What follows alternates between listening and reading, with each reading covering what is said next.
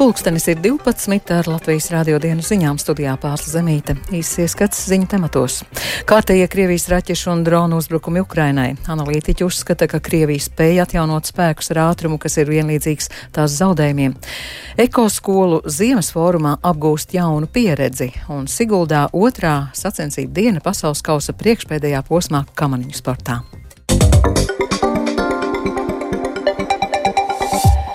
ASV Domnīcas kara izpētes institūts analītiķi jaunākajā ziņojumā par situāciju frontē rakstīja, ka Krievija pašlaik acīm redzami spēja ģenerēt spēkus ar ātrumu, kas ir vienlīdzīgs Krievijas zaudējumiem. Tomēr nav skaidrs, vai ar to pietiks, lai vairotu Krievijas uzbrukuma operāciju tempu, ņemot vērā, ka tas nenoliedzami izraisītu vēl lielākus iebrucēju kara spēka zaudējumus. Tikmēr kara trešā gada pirmo dienu ievadījuši kārtējie Krievijas raķešu un dronu uzbrukumi Ukrainā. Ukrainai. Turpina Rustams Šukurovs. ASV Domnīcas kara izpētes institūts ziņojumā norādīts, ka Krievija atsevišķos frontes virzienos šķietami ir spējusi pārtvert iniciatīvu. Tomēr, kā norāda Domnīcas analītiķi, iniciatīvas pārtveršana ir dārgi izmaksājusi Krievijas spēkiem. Kā piemērs ziņojumā minēta Ukrainas austrumu pilsētas Avdīvkas iekarošana, kur Krievijas karaspēks cieta pamatīgus zaudējumus, Domnīcas analītiķi lēš, ka Krievijas karaspēka dzīvā spēka zaudējumi kaujā par Avdīvku visticamāk pārsniedz tos apjomus, ko PSRS armija pagājušā gadsimta 70. un 80. gados zaudējusi karojot Afganistānā. Saskaņā ar Ukrainas bruņoto spēku sniegto informāciju, kaujā par Avdīvku kopš pērnā gada oktobra bojā gājuši 17 tūkstoši Krievijas karavīru. Tāpat Domnīcas ziņojumā atzīmēts, ka Krievijas armijai piemīt daudzi trūkumi, kurus Ukrainas aizstāvji ir iemācījušies izmantot. Neskatoties uz Kīvas bažām saistībā ar ASV militārās palīdzības piešķiršanas kavēšanos, Ukraiņu karavīri prasmīgi un mērķtiecīgi turpina cīņu pret Krievijas agresiju, teikts Domnīcas ziņojumā.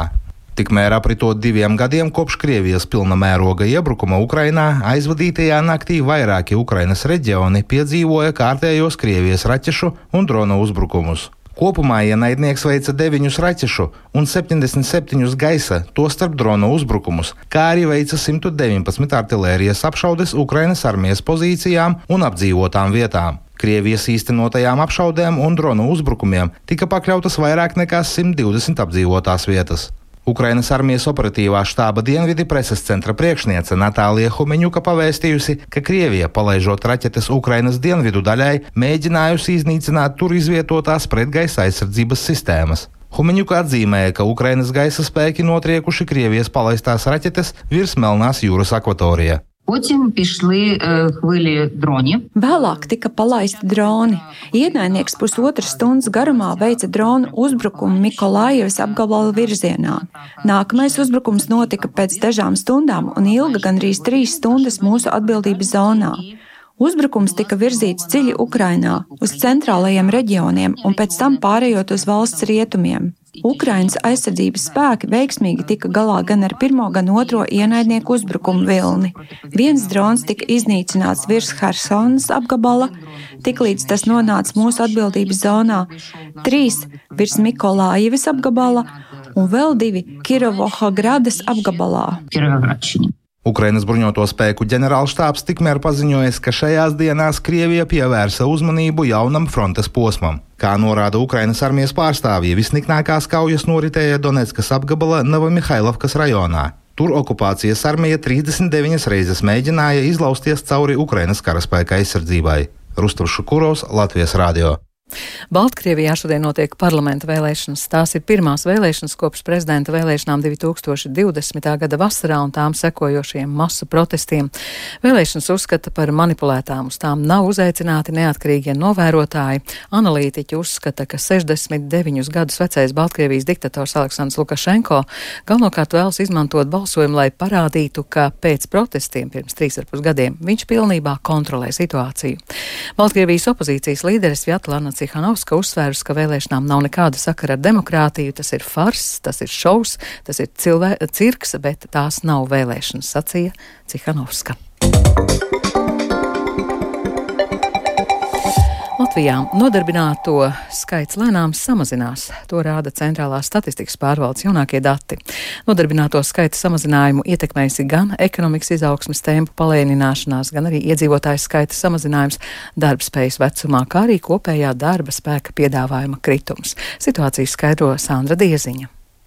Latvijā pagājušajā gadā bija nodarbināti 884 tūkstoši iedzīvotāji, jeb 64,2%, kas ir par 0,2% jeb aptuveni 2000 mazāk nodarbināto nekā 2022. gadā.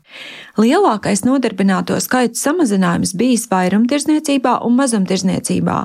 Tajā pašā laikā, neraugoties uz darba tirgus aktivitāšu samazināšanos, joprojām turpina pieaugt iedzīvotāju līdzdalība darba tirgū. Lai gan pēdējos 11 gadus nodarbinātības līmenis Latvijā ir pārsniedzis Eiropas Savienības dalību valstu vidējo līmeni, pērn 4. ceturksnī tas bija zemākais starp Baltijas valstīm.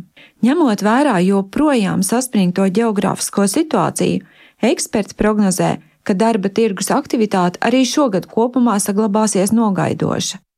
Šodien Rīnožu vidusskolā turpinās ekoskolu ziemas fórums, kurā pulcējušies vairāk nekā 300 jaunieši no visas Latvijas.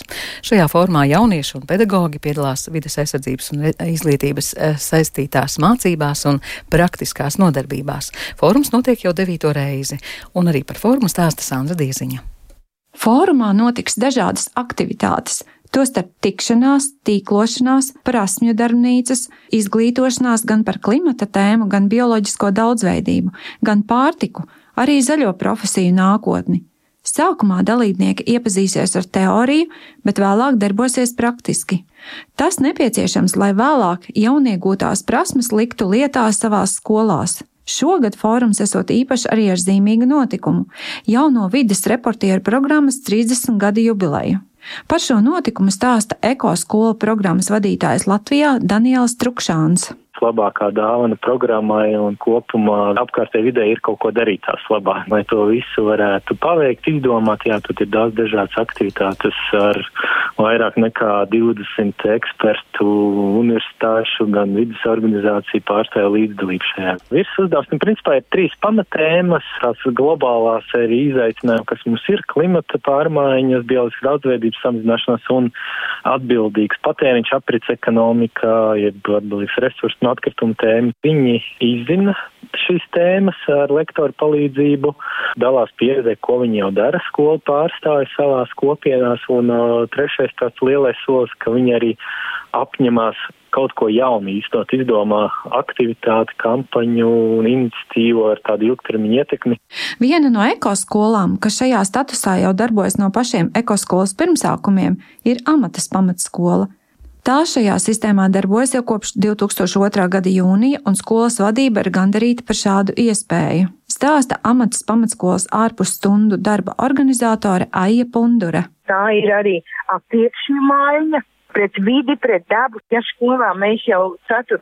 gadu, 5. gadu varbūt pat nelietojam vienreiz lietojamos traukus, un tā jau nav skolotāja iniciatīva. To ir bērni izdomājuši, ka mums to nevajag. Piemēram, ir brīnišķīgs skolas vecāku atbalsts, jo šodien skolā mācās jau absolventu bērni, un ģimenēs šī tradīcija par tādu, teikšu, vidē draudzīgu domāšanu un jēgpilnu resursu apsaimniekošanu, protams, ka nav visos simts procentos ģimeņi, ja, bet dominē galvenokārt tas pozitīvais, ka mēs mācāmies, mēs sargājam, mēs domājam. No fóruma dalībnieki sagaida jaunas tikšanās ar domu biedriem un idejas, ko vēlāk īstenot dzīvē. Tas dodot arī lielāku pašapziņu, ka darboties var vēl labāk. Ekoskola formā jauniegūtās zināšanas un praktiskās nodarbības maina paradumus ne tikai mācību iestādēs, bet daudzās ģimenēs, un tas šajā stāstā ir galvenais. Sānra Dieziņa, Latvijas radio. Sportu Siguldas trasē šodien otrā sacensību diena pasaules kausa priekšpēdējā posmā kamaniņu sportā. Savukārt vīriešu basketbola izlase pēcpusdienā turpinās Eiropas čempionāta kvalifikācijas sacensības. Plašāk par visu stāsta Mārs Bergs. Ar sacensībām vīriešu vienaniekos šodien sākusies otrā sacensību diena pasaules kausa priekšpēdējā posmā kamneņu braukšanā Siguldas trasē. No Latvijas sportistiem šodien lielākā uzmanība, protams, pievērsta Kristeram Aperiodam, kurš sarunā ar Latvijas radio izteicās, ka uz sezonas otro pusi viņš uzņēmis lielisku tempu. Šogad ir kaut kā pagadījies tā, ka pēdējie divi pasaules kausa posmi, bet uh, nebūtu nav tā sajūta, ka esot mājās, eh, sezona jau viss iet uz beigām. Kārtīgi jāpastrādā vēl divas nedēļas, un daudz kas ir darāms, un daudz kas vēl priekšā. Tā kā nu, atslābumam pamata nav un uh, jāturpina strādāt. Pēc aptuveni 20 minūtēm sāksies otrais brauciens vīriem, bet vēlāk pēcpusdienā visās disciplīnās paredzētas arī sprinta sacensības. Vakar labākie no Latvijas bija vīru divnieku ekipāža Mārtiņš Bots, Roberts Plūme, kuris vinēja uzvaru, bet sieviešu vienaniekos otro vietu izcīnīja Elīna Vītola. Arī viņi šodien dosies trasē sprinta sacensībās. Latvijas vīriešu basketbola izlase šo pēcpusdienu turpinās Eiropas čempionāta kvalifikācijas sacensības savā laukumā uzņemot Slovākiju. Treneri veikuši nelielas izmaiņas Latvijas sastāvā, salīdzinot ar spēli pret Spāniju ceturtdien. Šodien Latvijas sastāvā nespēlēs Kārlis Šiliņš un Artūrs Strautiņš, kurus nomainījuši Krišs Helmanis un Ojārs Siliņš. Abas komandas tikās arī pasaules kausa kvalifikācijā. 2021. gada novembrī Latvija mājās svinēja grūtu uzvaru ar 82-74, savukārt viesos Slovāki tika sagrauti ar 33 punktu pārsvaru. Spēle arēnā Rīga šodien sāksies 5. pēcpusdienā un tribīnes ir izpārdotas. Nacionālajā basketbola asociācijā kārtējo uzvaru savā kontā šonakt ierakstīja Kristaps Porziņš un Bostonas Celtics, kas ar 116-102 apspēlēja Ņujorkas Snigs. Porziņš laukumā pavadīja 31,5 minūti, viņam izceļoties ar 22 punktiem punktiem, četrām atlikušajām bombām un četrām rezultatīvām piespēlēm. Nacionālajā hokeja līgā divu vadošo komandu cīņā uzvaru šonakt izcīnīja Teodora Bļugera pārstāvētā Vankūveras Canucks, kas atspēlējās un papildu laikā ar 3-2 pārspēja Bostonas Bruins. Canucks izdevās atspēlēties no 0-2, viņiem to paveicot tikai trešā perioda otrajā pusē, bet papildu laikā uzvaras vārti Brokam Beseram. Bļugers spēlēja 14,5 minūtes un šoreiz palika tukšā. Latvijas florbola čempionātā šodien turpināsies ceturdaļfinālu sērijas, visos četros pāros aizvedot otrās spēles. Vakar pirmajos mačos uzvaras svinēja nominālie favorīti, proti tās komandas, kas regulāro sezonu pabeidza augstāk. Baltijas meistarlīgā volejbolā šodien ceturdaļfinālu atbildes spēles, un no Latvijas volejbola klubiem vislabākajā pozīcijā ir Jēkabils Lūši. Viņi pirmajā spēlē mājās četros setos uzvarēja Veru volejbolistus. Labas iespējas pacīnīties par vietu izšķirošajos mačos arī Ezerzeme Daugopils Universitāte volejbolistiem, kas pirmajā spēlē savā laukumā piecos setos zaudēja Pērnavas volejbolistiem. Grūtākais uzdevums priekšā RTU robežsardze Jūrmala, kas trīs setos mājās zaudēja Tallinas Selver Taltek. Visi mači šodien Igaunijā sāksies vienlaicīgi piecos pēcpusdienā, bet par sportu man šobrīd tas arī viss.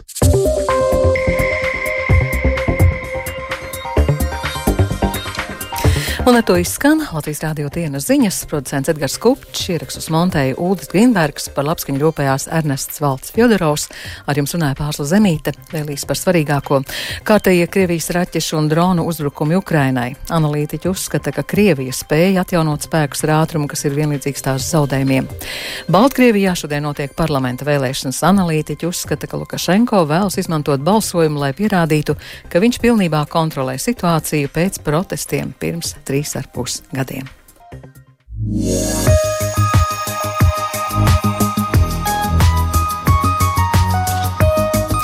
Latvijas vidus geoloģijas un meteoroloģijas centrs informē Rīgā pat labam gaisa temperatūra plus 7 grādi, dienvidu vējš 4 m2, gaisa spiediens 765 mm, gaisa relatīvais mitrums 74%.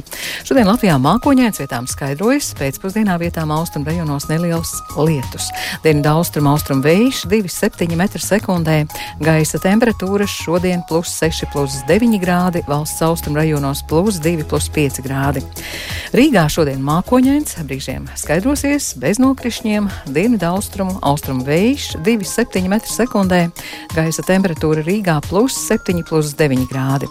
Laika tips šodien otrais, labvēlīgs. Un vēl sinoptiķi brīdina, ka naktī uz pirmdienu gaidāmas stipras vēja brāzmas 15-19 m2, bet vietām valsts centrālajos un rajonos un piekrastē līdz pat 20-22 metriem sekundē. No nakts otrās puses vējš pakāpeniski pierims.